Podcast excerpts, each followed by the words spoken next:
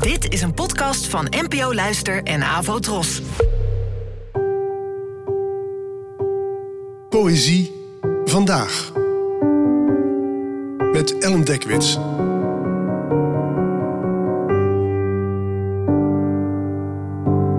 Hallo, fijn dat je luistert. Het titeloze gedicht van vandaag werd geschreven door de Vlaamse dichteres Maud van Howard, geboren in 1984. Er hoeft nog altijd niet veel te gebeuren voor ik aan je denk. Iets wat niet op jou lijkt, is al genoeg. Dan denk ik, kijk, dit lijkt echt niet op haar. Soms kan er in een heel korte tekst een heleboel worden opgeroepen. En dat begint in dit gedicht al bij de eerste regel. Er hoeft nog altijd niet veel te gebeuren, staat er, voor ik aan je denk. Door de mededeling nog altijd weet je als lezer meteen dat dit dus al langer speelt.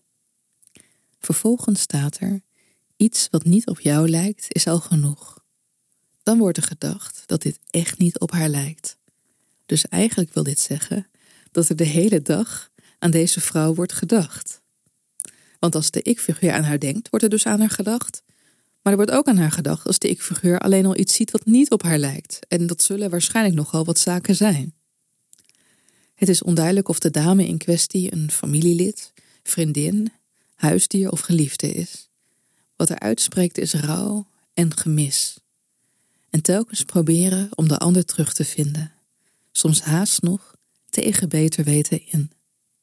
Bedankt voor het luisteren en tot de volgende keer. Afro de omroep voor ons.